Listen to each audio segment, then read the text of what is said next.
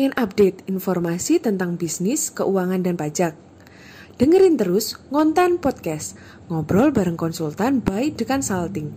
Jangan lupa dengerin kita tiap hari Rabu dan Sabtu ya. So, stay tune terus.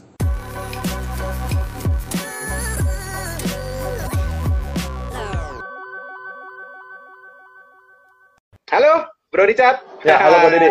Iya. Apa kabar? Gimana kabar? Gimana kabar kok? Baik, baik, baik. Luar biasa nih. Ini anu harus selalu semangat ya Bro Richard ya. Eh, siap. Mantap. Harus. Wajib. Nah, ini teman-teman, hari ini kita mau ulik-ulik dikit nih. Ini kebetulan Ko Richard, Bro Richard ini uh, sibuk banget. ya, lagi mau mau uh, launching bisnis baru ya, lagi fighting juga bisnisnya lama, bangun community. Wih, ini kita thank you so much Ko Richard hari ini masih mau Sama-sama, join Ko, dengan Didi. consulting ya. Kita hari ini mau sharing-sharing nih tentang kisah hidupnya Ko Richard nih ya, kisah hidupnya Bro Richard bagaimana sampai sukses seperti se- sekarang ini ya. Ini yang kita mau ulik-ulik dikit nih. Oh iya, oke oke. Siap. Oke, Ya. ini kita mulai dulu nih dari Ko Richard nih. Ko, saya kemarin kan sempat baca-baca tuh profilnya Ko Richard ya. Kalau nggak salah, Oh iya, Ko Richard ini mulai berbisnis itu kalau nggak salah mulai SMP ya, Ko ya, usia 12 tahun ya. Iya. Waktu itu lagi ceritanya lagi ngumpulin duit buat beli HP. Ya, karena Wah. kalau kita itu emang punya kebiasaan dari kecil kalau mau beli sesuatu itu harus nabung. Hmm. Jadi nggak nggak nggak dibeliin. Ya, nabung bisa dari Hmm. uang jajan. Cuma namanya uang jajan, namanya bocah ya SMP ya kok. Itu ya, Hmm. ya nggak mungkin ya kekumpul ya. Nah, karena itu saya lihat nih, iya. katanya saya mesti jualan sesuatu nih buat menghasilkan. Nah, akhirnya Hmm. pas usia 12 tahun itu saya jualan lemon tea. Nah, itu Lemon tea? ayam gitu. Ah, ah, nitip-nitip ke Oh. bakmi, bakmi ayam dijual itu Hmm. enam ribu rupiah. Hmm. Nah, tapi itu cuma sekelas itu berapa ya 6 ribu ya. setahun ya tapi itu cuma setahun lah. Setahun habis Setahun. itu eh, saya eh, setahun habis itu saya nggak ber- eh, berhenti. Karena itu tuh nilai sekolah juga jeblok. Hmm. jadi nilai sekolah saya jeblok Enak semua. ya. rapot saya palsu-palsuin kasih orang tua. Jadi kelihatan kan di tip X tuh nggak kelihatan kan. Dulu nakal nakal akhir iya.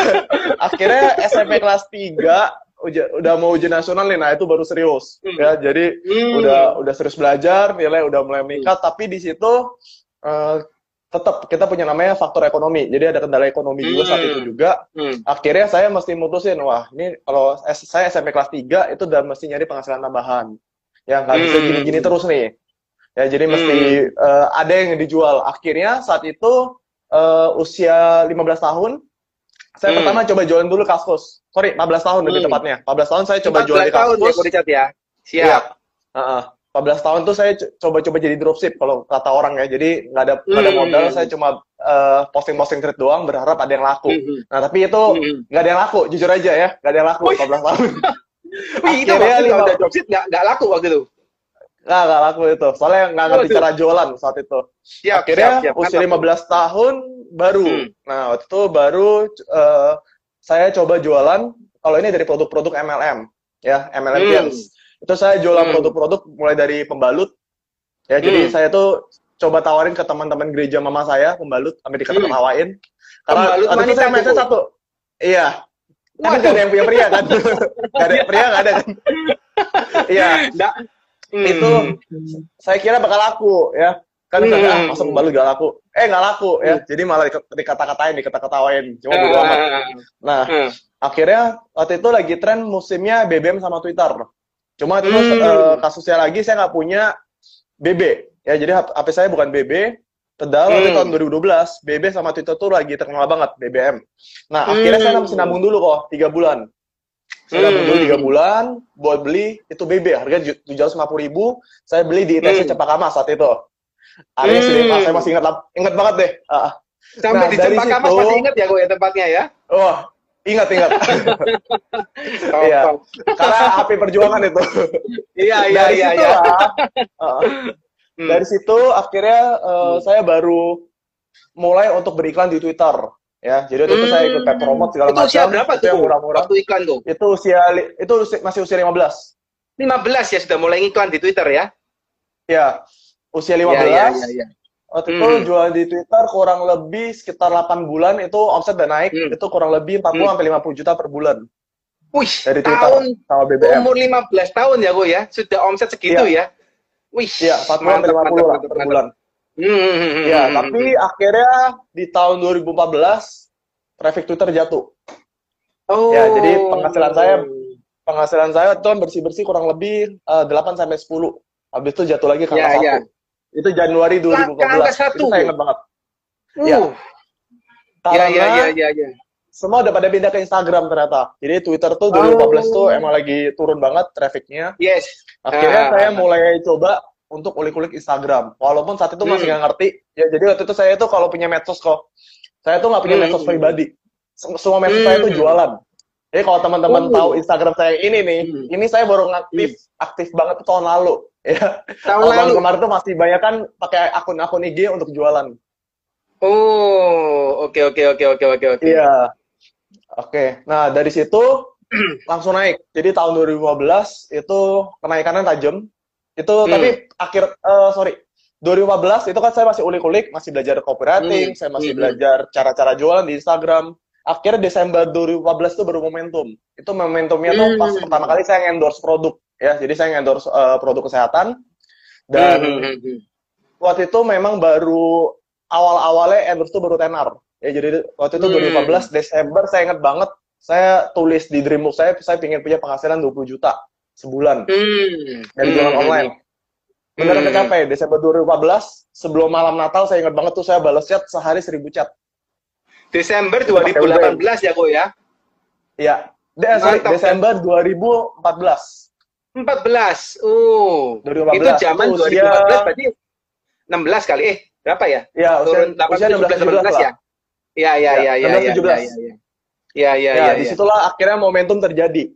Nah, momentumnya Hmm. terjadi bulan tahun 2012 itu tahun tahun kenikmatan lah kalau orang bilang ya. Jadi Ah. akhirnya omset dari yang cuma puluhan juta, saya akhirnya naik ke angka kurang lebih 1 M satu bulan per bulannya. Uh, Itu dari- puluhan juta. Nah, dari puluhan naik, juta naik ke. 1 M kok ya. Tahun Ya, 2015 tuh. 2015. Iya. Nah, Hmm. dari situlah uh naiknya naik banget. Akhirnya tahun eh, tahun 2017 akhir itu saya Hmm. baru bikin komunitas bisnis online. Nah, namanya Master Hmm. Online Community. Nah, itu Hmm. eh, itu sistemnya komunitas. Jadi eh, Hmm. tim-tim yang gabung juga itu semua kita ajarin cara-cara jualan dan segala macamnya. Hmm. Ya, baik dari strategi Hmm. kita sharingin, ada mentor-mentornya juga sampai saat Hmm. ini. Dan nanti memang kebetulan udah ada new project juga. Memang kebetulan Hmm. banget Oh, Ya. jadi momentumnya itu pas naik itu 2017-18 tuh naik sekali ya kok Richard ya waktu itu ya. Ya, naik banget Hmm. dan ibaratnya eh bicara penghasilan namanya anak muda usia segitu udah oke banget lah ya. Iyalah Mau ya. apa kalau- itu udah udah udah udah udah oke lah tinggal. Terus akhirnya saya beli rumah, beli mobil itu semua dari jualan Hmm. online. Hmm, ya ya ya ya, menarik nih. Ini kalau boleh tahu nih kok, biar para netizen juga tahu nih. Ini sekarang usianya Ko Richard berapa nih Ko Richard? Wah, kok Didi coba, Ayo. kok Didi masih inget gak usia saya? kalau kalau saya mah sudah tahu. Tapi biar udah tahu ya, oh iya udah tahu ya. Iya, Kan saya Eh, udah coba, dulu kan. iya ya. Ya pasti sih nggak nyampe 30 ya kan? 23, Iyalah. 23, 23. dua tiga dua tiga guys Ya. bayangin guys usia dua tiga guys Ko Richard ini lihat masih muda sekali guys ini omset sudah miliaran ya udah miliaran ini sudah ibaratnya kalau mau beli apa aja bisa wah ya keren banget guys nah Amin, amin. tapi nih kok ya kalau orang itu kan biasanya pasti lihat tuh suksesnya doang kok ya kan lihat wah Ko Richard sekarang ya keren banget nih. Usia 23 tahun sudah punya ini sudah punya itu sudah punya ini. Nah tapi kan namanya orang ya kok ya usaha kan kok itu kan tidak mungkin kan kok maksudnya semua itu mulus. Nah Yes. ini pengen tahu nih kok Richard ada yang nggak mulusnya gimana nih kok Richard?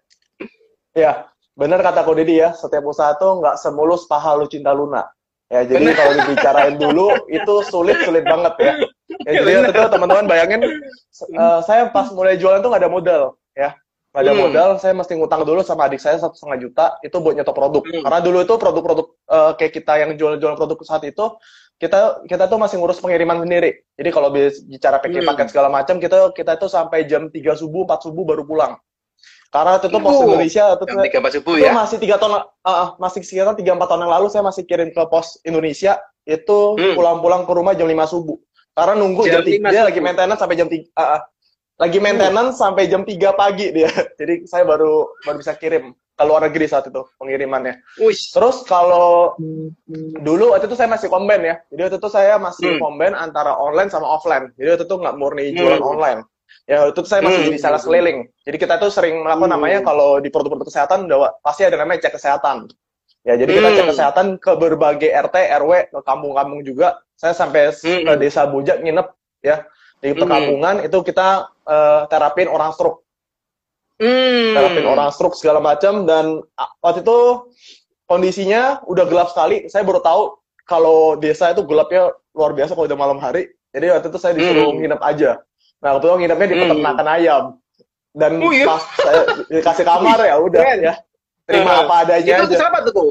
Siapa tuh, Ko? Maksudnya peternak peternak ayam tuh siapa tuh yang ngasih ngin- nginep di sana? Itu kebetulan tim saya sendiri. Jadi oh, timnya kebetulan kita minta sendiri. Iya, Oh. kebetulan kita minta beberapa referensi dan ternyata saya Yes, tinggal yes. di rumah orang tuanya tim saya saat itu. Oh. Ah, it- itu di daerah Desa Boja, daerah Kendal ya, Jawa Tengah ya. Nah, Jawa Tengah, situlah. Kendal ya, Kendal ya. Iya.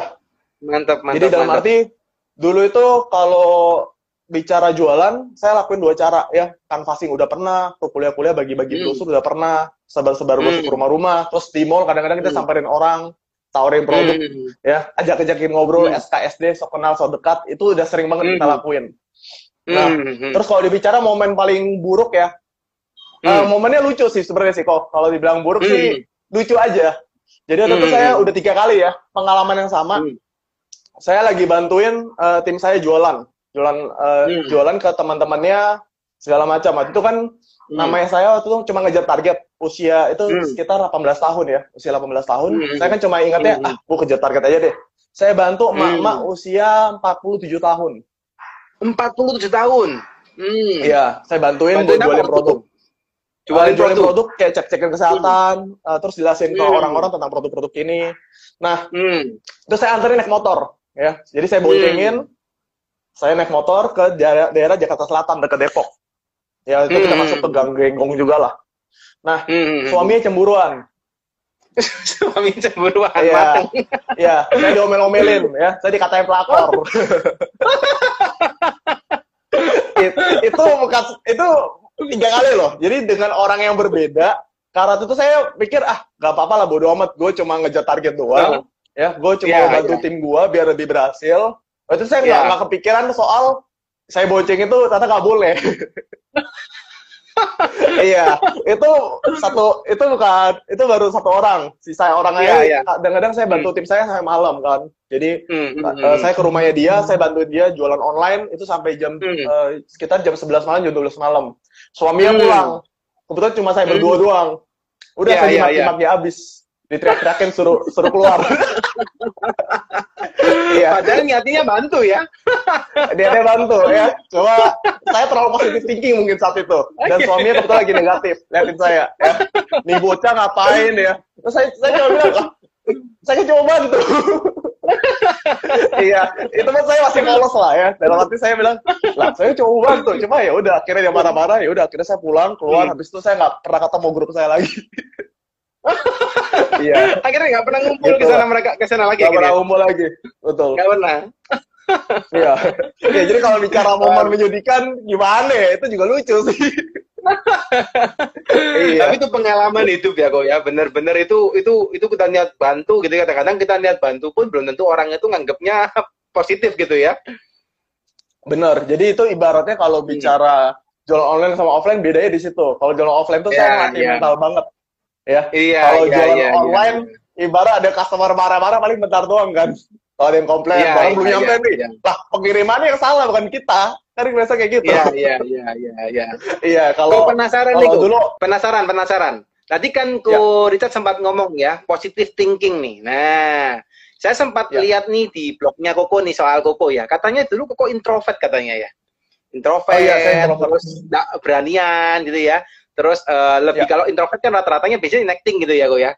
Nah, terus sekarang ini kan beda banget ya Ko Richard ya, udah eh, switch 3 180 derajat nih. Nah, itu Iya. itu kan bukan hal yang gampang nih. Karena kita sebagai pengusaha ini kan mau nggak mau harus positive thinking ya, tapi membuat positive thinking ini nggak gampang. Nah, ini mungkin Ko Richard boleh cerita nggak, Ko? Historinya sampai bisa kayak sekarang gimana nih, Ko Richard? Oke. Jadi pas awal itu kalau bicara introvert, saya introvert banget ya teman-teman ya. Jadi Hmm. itu kalau saya ketemu orang, apalagi kalau ketemu cewek, ya. Jadi saya ingat banget tuh pas SMP, ya. Saya Hmm, suka sama seseorang, saya beliin dia Hmm. coklat. Cuma saya nggak berani Hmm. ketemuin, ya. Jadi kalau ketemu sama dia, kalau lihat mukanya saya kabur, kayak dikejar setan. ya. Akhirnya saya kasih tuh coklat, titipin ke teman saya, suruh kasih ke dia. Eh, jadi tempat saya kasih pas Valentine, bukan saya. saya cuma di SMS, thank you, thank you ya. Itu benar-benar kalau saya ingat-ingat, kok gue kok gue pengecut banget ya. Cuma dulu kayak gitu, pintar banget ya. Pintar banget ketemu orang, terus setiap, setiap ketemu orang nih, misalnya kayak ketemu Ko Didi lagi Hmm. ngobrol-ngobrol, mata saya Ya, tuh ya. pasti ke bawah. Saya nggak berani natap mata Ko Didi. Oh. Terus saya memang mulut saya tuh mulut saya tuh saya tutupin kayak gini nih kalau lagi ngomong. Oh, Kenapa gini kok? gini. Iya, Oh. takut nyiprat luda. Oh, iya iya iya iya. iya. Iya. Jadi kita Jadi- kita kita takut gini gini. Oh, oke oke oke iya, oke oke. Jadi bukan gara-gara corona ya, takut nyiprat luda. Iya, sekarang corona makasih masker ya. ya jadi itu ibarat dulu introvert banget, introvert introvert parah, Hmm. tapi apa yang bikin saya berubah itu karena dipaksakan. Ya jadi kadang-kadang Hmm. eh, kita kita nih introvert itu terlalu membatasi diri sama karakter kita. Hmm. Selagi kita Hmm. tahu kita introvert ya, pola pikir kita Hmm. udah pikir ah udah gue introvert, gue cuma gini-gini aja deh jadinya. Enggak, Hmm. harus dipaksain. Ya jadi saya paksain Hmm. diri buat ketemu orang, ngobrol dari kaku, dari merinding, kaki juga Hmm. bisa merinding loh kalau ketemu orang Hmm. atau atau lu lagi ngobrol sama orang tangan udah udah keringetan dingin nah dulu saya kayak gitu tuh Hmm. cuma kenapa saya akhirnya jadi bisa bisa ngomong dan segala macam ya karena udah sering aja sering ngobrol dan segala Hmm. macam ibaratnya kalau teman-teman kalau dari introvert pingin percaya diri paksain Hmm. diri itu udah penting banget di awal ya jangan bilang Hmm. gara-gara karakter enggak semua hal itu dilatih ya Hmm. saya belum pernah menemukan orang-orang yang dalam arti eh, bilang basic gue ini introvert, jadi gue itu gak jago ngomong, ya karena Hmm. sering ngomong aja. Introvert kan kebanyakan mikir Hmm. nih, ya mikir di otak semua Hmm. tuh. Semua kadang Hmm. terlalu dipikirin, ya Hmm. ada masalah satu dipikirin terus ya ngapain Hmm. ya itu itu paling penting ya apalagi kalau kalau Didi bicara tuh tadi soal namanya positive thinking ya introvert Hmm. ini Hmm. ya seorang pemikir keras ya jadi kalau dia disinggung dikit Hmm. itu dia bisa ya beberapa orang biasa baper ya Iya. pikiran terus ya dalam arti dalam arti daripada Hmm. dipikirin mending diomongin ya mending diomongin aja dan nanti latihannya bakal Hmm. beda-beda Eh, jadi kayak kita nih Hmm. introvert kita kalau ngobrol sama orang sama ngomong di depan panggung itu beda lagi kok Hmm. Jadi Ngomong saya udah pede nih ngomong- depan panggung ya. Beda ya gue Iya. ya orangnya ya. Hmm. betul jadi saya waktu itu eh, gimana cara saya belajar pede tentu saya belajar namanya komunikasi waktu itu saya Hmm. sam- karena dulu nggak punya duit ya saya beli CD audio Live Revolution punya patung dosa waringin saya beli yang bajakan Hmm. yaitu harganya cuma dua ribu Hmm. saya Iya, dengerin iya, terus iya, saya iya. ngomong-ngomong sendiri ya saya ngomong-ngomong sendiri terus saya latihan terus pas lagi belajar komunikasi Hmm. depan manggung nah itu saya juga paksain Hmm. diri ya paksain diri ngomong segala macam tapi saya juga kira ikut seminar dan workshop public speaking ya waktu itu saya ikut Hmm. tiga seminar saking sekali lagi saking introvertnya saking nggak mindernya ketemu orang ataupun Hmm. ngobrol tapi di situ akhirnya Hmm. saya baru nyadar ternyata ujung-ujungnya sama ya ujung-ujungnya Hmm. tetap jam terbang jadi nggak mungkin nanti teman-teman nih kayak ikut workshop seminar public speaking berharap langsung jago ngomong enggak di sana pun Hmm. langsung disuruh disuruh praktek ya disuruh praktek terus Hmm. sampai teman-teman jago itu doang bedanya Hmm. ya dan mungkin kayak ada teman-temannya aja lah bantuin ngomong sebenarnya sama Hmm. aja nanti teman-teman ujung-ujungnya jam terbang kayak kita nih kok Hmm. kayak lagi rekaman kayak gini nih Nah, kalau orang ngomongin jago depan ngomong jago ngomong di depan panggung belum tentu bisa ngomong di- Hmm. ngomong sendiri di IG live atau Benar. enggak rekam sendiri di YouTube beda lagi ilmunya beda ya, lagi ya. ya Caranya lain-lain jadi mesti ya. dibahasain Iya, iya, iya, iya. Intinya guys, jam terbang ya. Di teman-teman yang mungkin introvert guys ya. Kalian introvert maksud begitu kalian ingin bersukses gitu ya seperti Kuricat harus paksain ya terus terusin konsisten ya kalau Kuricat ya harus jam terbangnya tinggi ya. Kalau saya ngomong jam terbang konsisten kali ya kok ya lebih gampang ya. Konsisten terus menerus gitu ya. Ya, ini sama juga kayak jualan online. Hmm. Ya, jadi kalau teman-teman nih saat ini lagi belajar jualan online, ya, Hmm, hmm, hmm. awal-awal pasti pusing, ya. Awal-awal udah Hmm. pasti pusing, mumet, pala, ngebul kalau orang bilang namanya. Hmm, hmm, hmm, Cuma hmm, per- percaya deh, ya, teman-teman ngelakuin selama berbulan-bulan secara konsisten, ya, tiap hari Hmm. deh, tiap hari. Dijamin nanti Hmm. jadi biasa sendiri. Jadi kayak Hmm. saya awal-awal belajar ke Instagram, itu saya butuh waktu enam bulan buat stabilin Instagram. Karena kan sekali lagi saya nggak main medsos orangnya, ya. Twitter aja Hmm. saya cuma ngiklan doang. uh, kerjaannya sama di BBM balas-balas chat customer. Nah, Hmm, cuma hmm, pas di Instagram masih belajar lagi. Pas belajar ngiklan Facebook Ads, Instagram Ads juga itu juga belajar lagi, belajar sampai setahun gitu. Ya, Hmm. karena kenapa? Nggak nyaman sama tampilannya. Tapi se- semakin sering dilakuin, lama-lama jadi kebiasaan. Ya, jadi nanti Hmm. ujung-ujungnya jago sendiri. Ya, jadi kalau kata Hmm. orang, kalau kita udah mencapai jam terbang lebih dari 10.000 jam, kita bakal jadi Hmm. master di bidangnya. Gitu. Hmm. Jadi kalau belum sepuluh ribu jam jarang jangan nyerah guys, harus terus tuh. Yes. Sepuluh ribu jam apa pun itu deh. berapa lama tuh ya? Hmm. Ya, apa pun deh. Termasuk Hmm. kayak ini lagi pandemi. Pandemi, saya terpaksa nggak bisa nge-gym. Saya mesti olahraga di rumah. Awal juga nggak Ah. nyaman. Cuma semakin Ah. ser- udah sering dilakuin, la- lama-lama, ya berat badan juga lumayan lah turun. Segala macam turun. Jadi ya, ya bersyukur aja. ya. Iya, iya, iya, iya, iya. Nah, kita lanjutin nih. Kalau dari Kuricat sendiri nih, Ko, boleh nggak kok sharing-sharing dikit nih, Ko? Sekarang lagi sibuk ngapain, Ko? Di bisnisnya atau di usahanya yang lagi mau dikembangin nih? Kita kasih Ya. sentilan-sentilan dikit di sebelum live ya. ya. Ini kita kebetulan lagi ngurusin tim internal, sama nanti ada mau Hmm. buka cabang baru lagi sih, kantor. Kalau saat ini kan kantor Hmm. ada dua, kita rencana mau buka dua, dua cabang lagi. Sama Hmm. eh, untuk lagi ngurus tim internal juga soalnya lagi banyak rekrut rekrut tim internal karyawan lebih tepatnya Hmm. soalnya untuk saat ini kita ada kelola kurang lebih 70 karyawan saat ini 70 karyawan ya, Ko? Wih, Iya. mantap. Ini Iya tapi uh, perusahaannya wah itu sekarang luar biasa. kalau kalau boleh bergerak di bidang apa kok atau boleh disebutin namanya kok biar netizen juga tahu nih. Maksudnya bergerak di bidang apa Sama- namanya mungkin nggak perlu. Ya semuanya online bisnis yang boleh saya sebutin yang ini. Eh, kita ada PT Revolusi Milenial Indonesia. Komunitasnya Hmm. namanya Master Online Community. Nah itu dia. Itu Master adalah sebuah platform Community. reseller ya sebuah Hmm. platform reseller di mana kita ada masarin produk-produk anti perang harga ya jadi kita punya prinsip jualan online anti perang harga Hmm. Kar- Karena kenapa? Jual kenapa perang harga? anti perang harga. Hmm. Iya, kenapa saya bilangnya anti perang harga? Karena dari tahun 2015 waktu itu pas lagi naiknya momentum, 2016 ini pas tahun 2016 itu saya kena namanya perang harga. Ya jadi di mana Hmm, hmm, hmm. kompetitor saya itu banding jual produk banding bandingin harga. Ya karena tahu produknya Hmm. fenomenal, produk yang kita, kita jual Hmm. lagi laris, ditiru juga, dibandingin ha- harganya kok. Hmm. Sampai saya Hmm. "Ih, Nah, omset sih boleh miliaran, ya. Tapi tahun Hmm. 2016, 2017 itu kita ngerasain banget dampak dari namanya perang harga. Omsetnya Hmm. besar, tapi profitnya kecil, ya. Hmm. Akhirnya 2018 mulailah saya kepikiran buat ngebangun namanya sebuah komunitas, ya. Di mana komunitas saya itu Hmm. punya satu visi, satu misi, semua jualan online tapi anti perang harga. Malah mereka mereka Hmm. itu jualan produk di atas harga semua. Jadi kita tetapin harga Hmm. konsumennya berapa, mereka jual lebih di atas itu. Hmm. Nah itu awal terbentuk namanya Master Online Community. Oke, Ko Richard, kalau boleh tahu nih Ko, selama berbisnis Ko, menurut Koko kalau berbisnis itu yang paling sulit waktu ngapain? Ko? Atau ngapa eh, apa namanya? Apa yang menurut Koko paling sulit ketika Koko berbisnis? Paling sulit, Paling sulit. paling sulit itu kalau dibicara jualan ya masih dibiasain ya. Saya yakin Hmm. masih banyak teman-teman di sini itu kendala bisnisnya itu karena apa? Karena nggak bisa jualan. Nggak bisa jualan, Nah, karena- benar. Iya, karena itu pentingnya kita belajar namanya skill jualan online yang tepat. Itu yang paling itu yang paling benar tuh. Hmm. Sambilan jangan Hmm. jangan pernah untuk menyerah. Ya jadi praktek terus. Hmm. Kalau gagal pasti dapat pola ya. Pola-polanya Hmm. kita pasti pelajarin. Kenapa sih gue gagal? Kenapa sih kayak gini? Pasti semua ada datanya ya. Dari data itu Hmm. tinggal kita rangkum atau nggak tinggal kita analisa apa yang kira-kira kurang. Itu sebenarnya kalau kita bicara Hmm. omset atau nggak jualan ya. Jadi kalau bicara kendala Hmm. pengusaha, saya yakin paling besar utama adalah penjualan. Tapi kedua itu kalau Hmm. menurut saya adalah mengelola tim. Hmm. Ya, mengelola tim itu menurut saya itu tantangan yang cukup sulit juga. Karena Hmm. kita kan ada ngurus dua, ada dua ngurus dua nih kok. Satu itu tim internal atau nggak karyawan.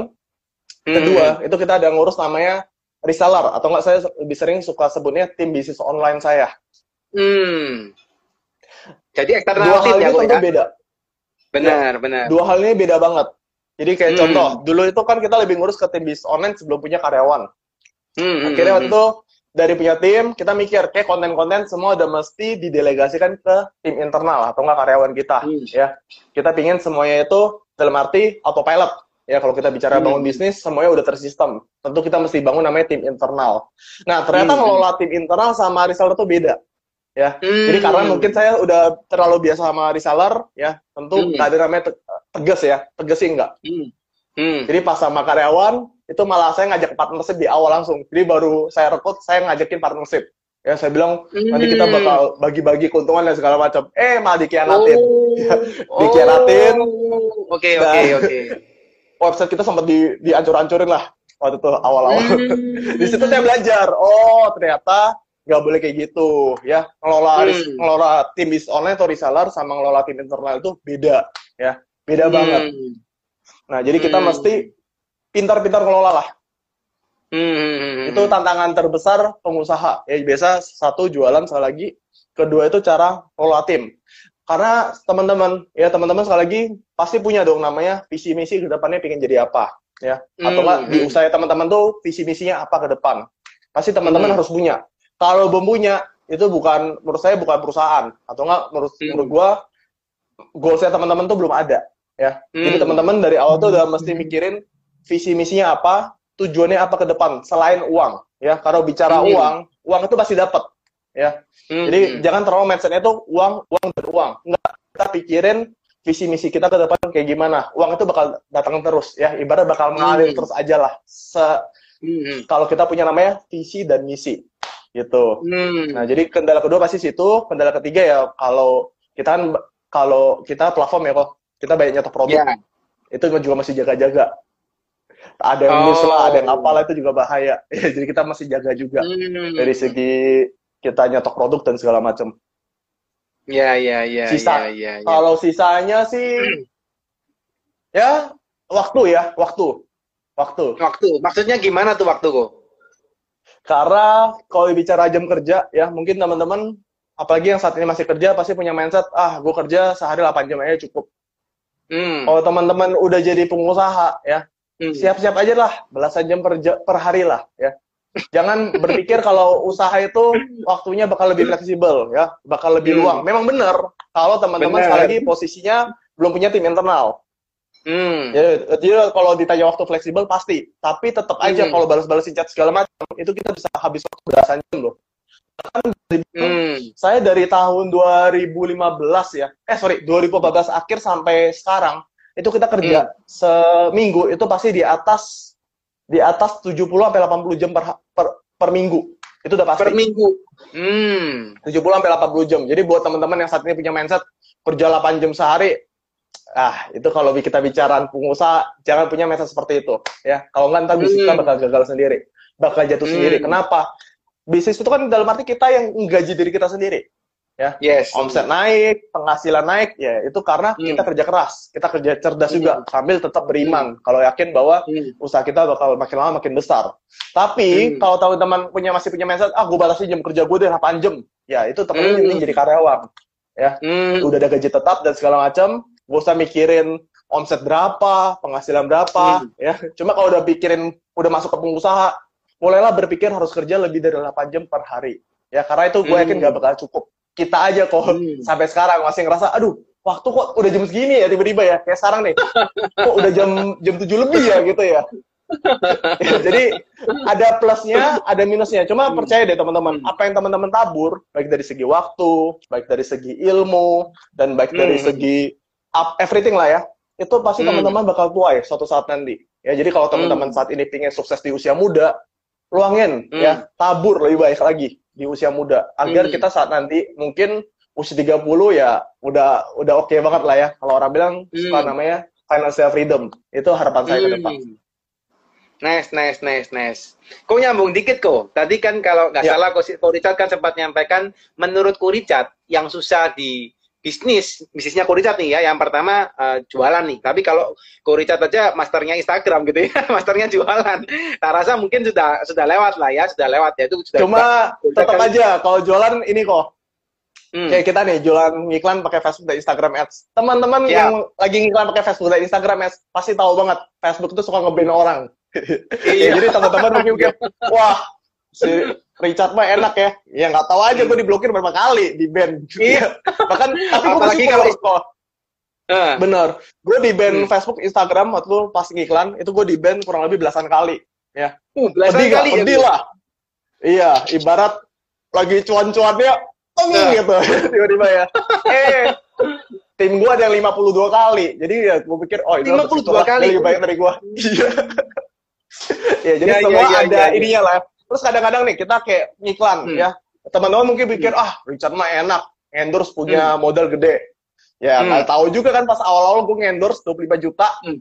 25 Hmm. juta yang ngechat cuma 100 yang closing kalau Hmm. dihitung-hitung bersih cuma 2 juta ya itu rugi Wih. 23 juta itu dalam waktu dua hari Dua Ya, hari jadi teman-teman- 23 juta.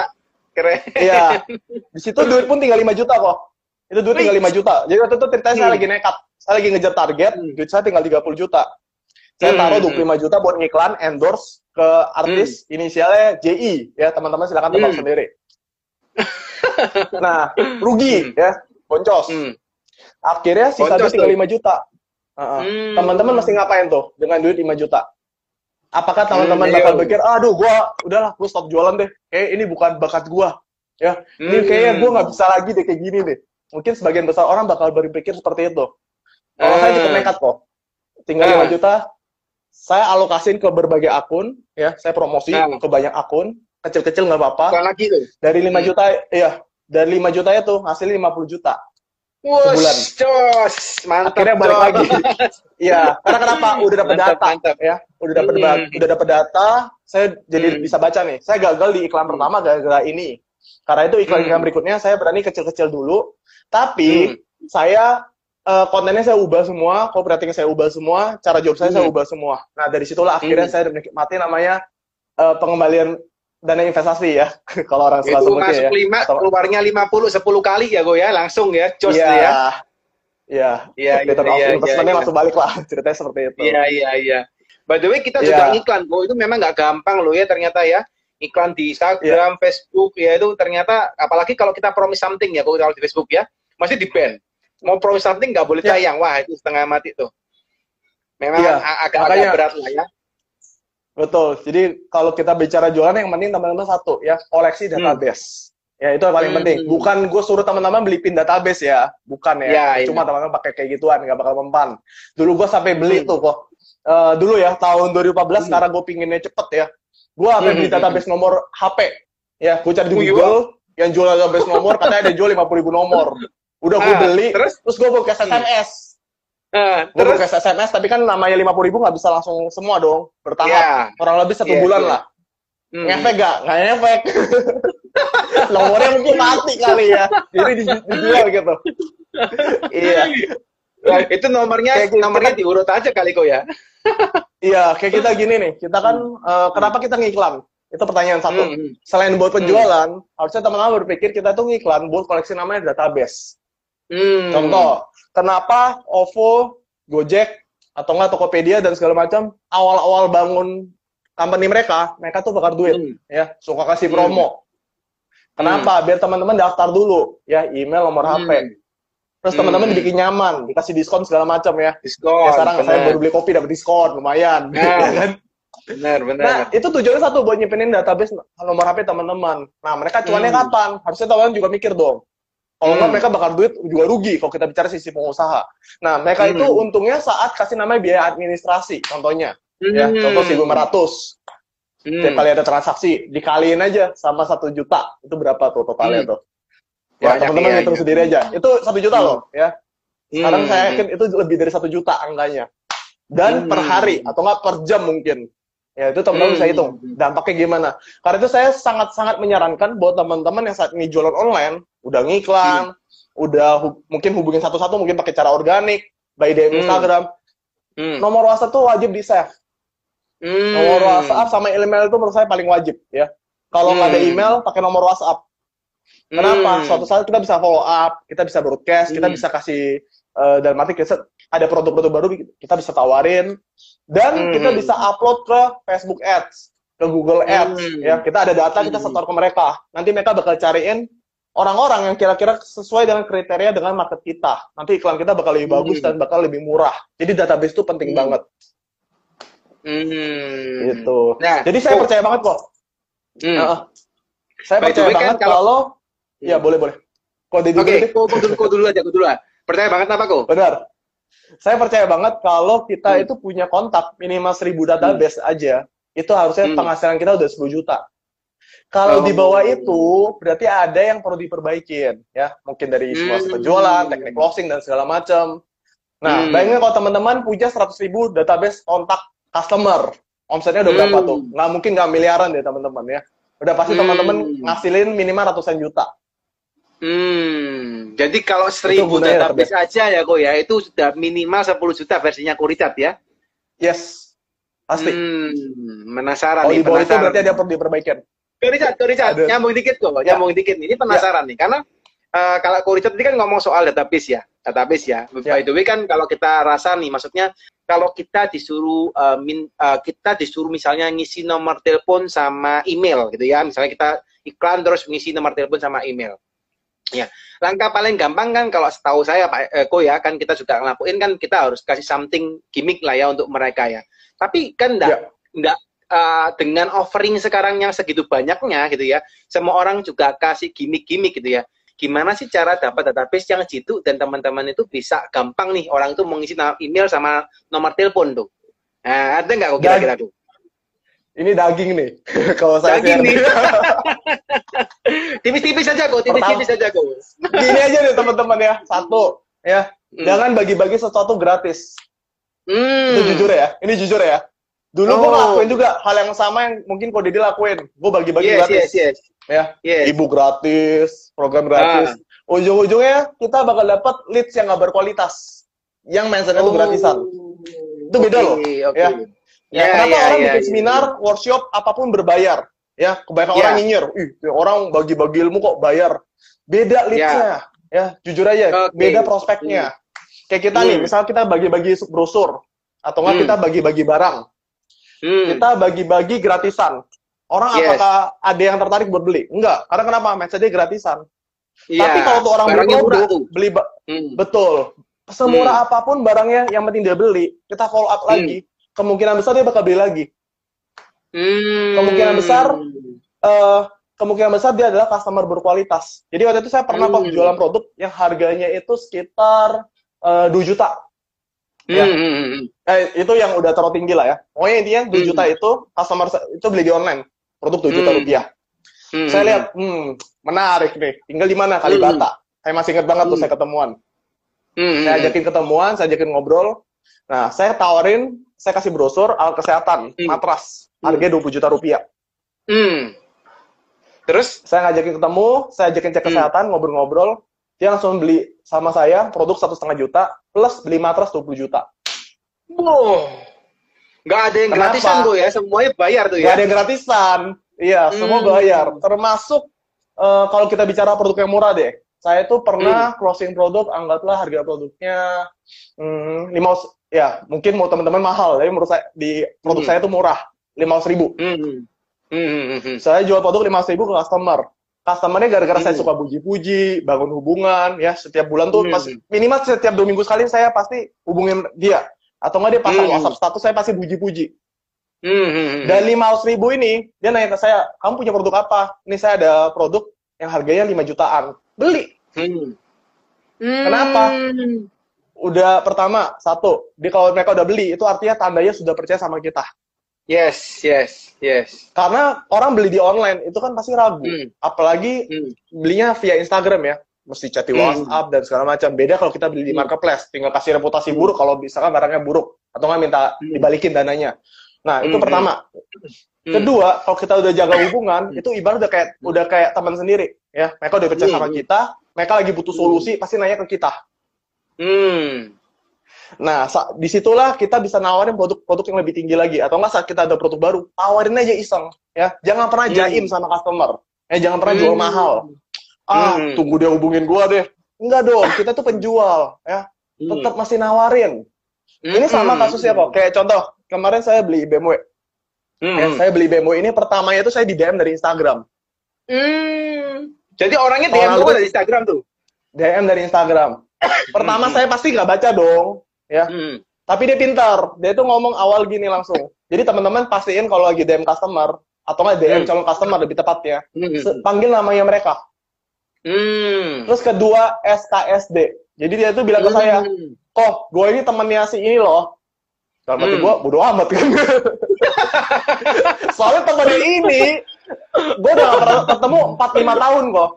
4 sampai 5 tahun gue gak ada pernah ketemu. Jadi kalau dibicara komunikasi, oh ingat-ingat ingat-ingat lupa lah ya.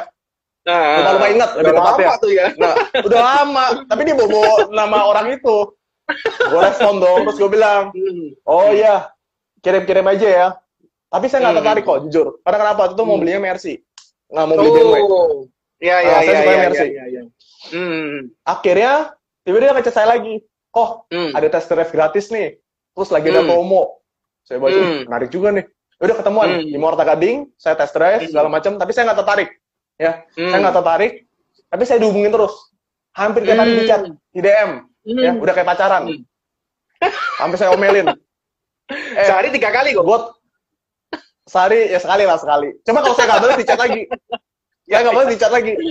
Sampai saya Iya. ngomel, ya itu Hmm. lagi mau ke New Zealand kan, dia telepon saya Hmm. sampai tiga kali sehari.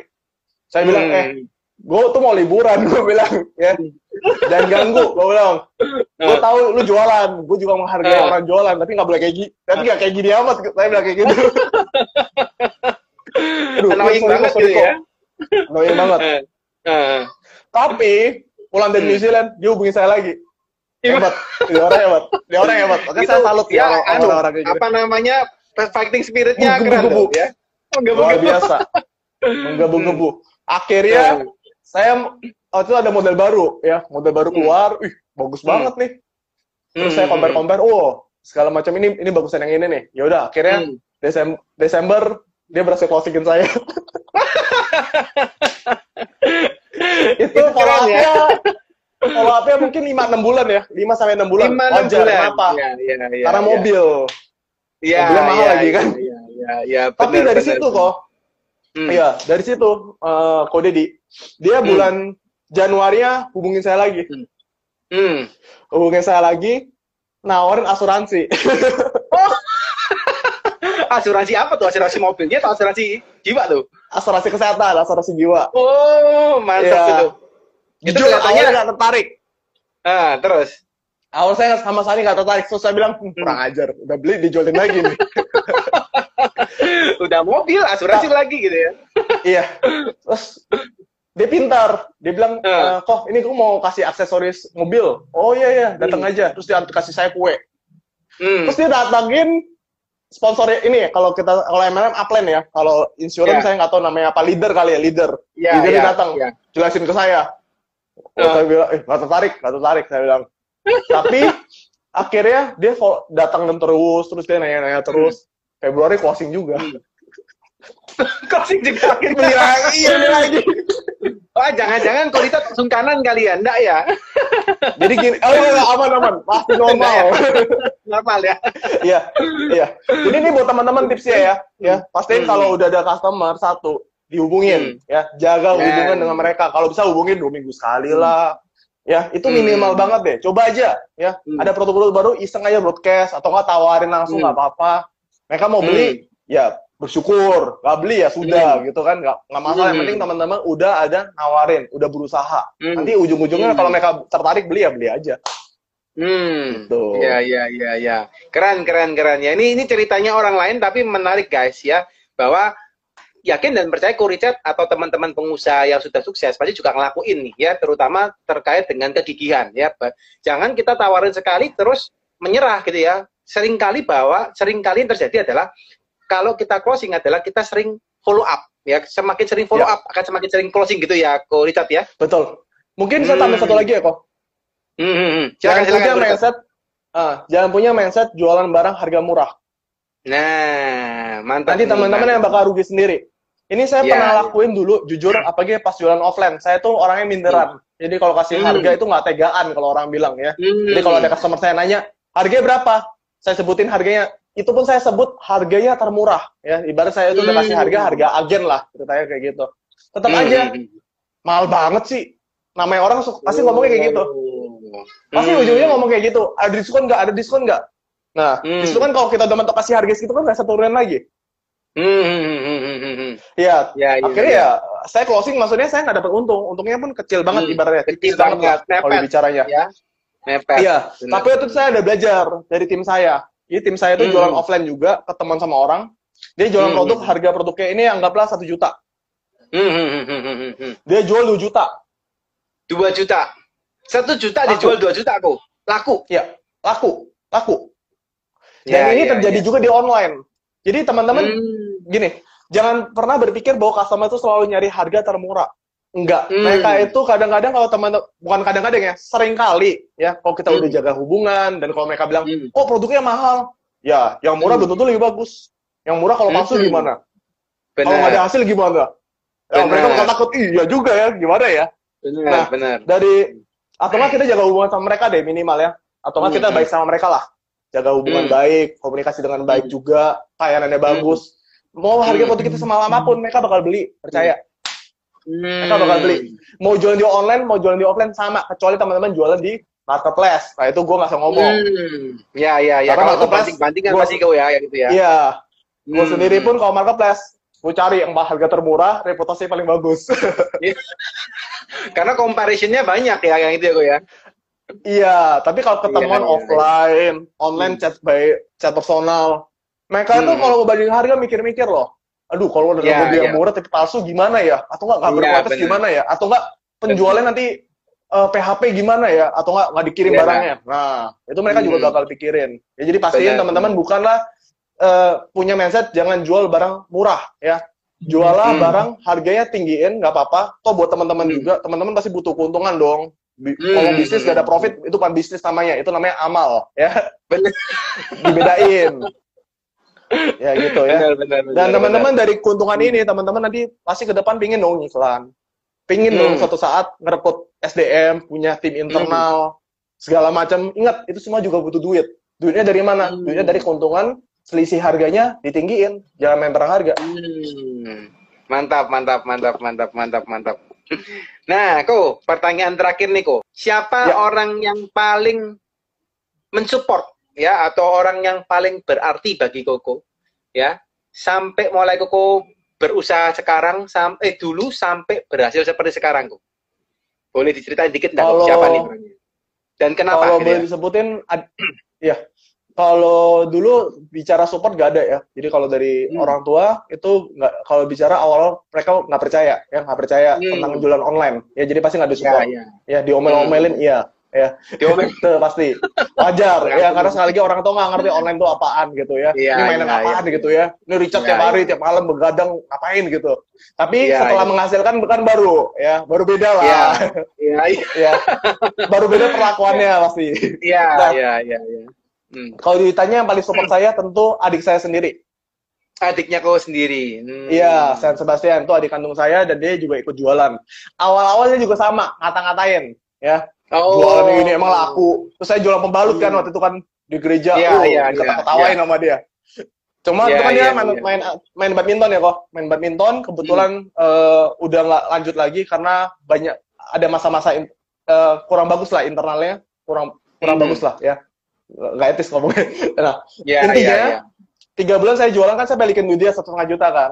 Iya. Iya. Hmm. Jadi dia berarti karena pinjamin saya satu setengah juta buat saya ngiklan. eh Iya, buat iya, saya nyetok produk. Ah, ah. Hmm. Buat saya nyetok produk. Terus saya balikin utang terus dia nanya, ini duit kok bisa cepet banget? Ya ini dari jualan Hmm. online. Ya udah deh gue ikut. Hmm. Nah, dia ikut. Jadi Hmm. bisa bilang yang paling support saya tuh adik saya karena saya ini tipikal orang ah. saya ini tipikal orang ini sebenarnya agak ini kok. Kalau bicara usaha ya, Hmm. oh, dulu dulu ya, dulu ya. Dulu tuh suka emosional. Hmm. Adik saya ini netral. Ya, adik saya ini Hmm. netral. Jadi kalau ada Ya, lagi ada ya, masalah, Balancing ya. dia tuh paling positif, paling positif Iya, thinking. iya. Ya, jadi Hmm.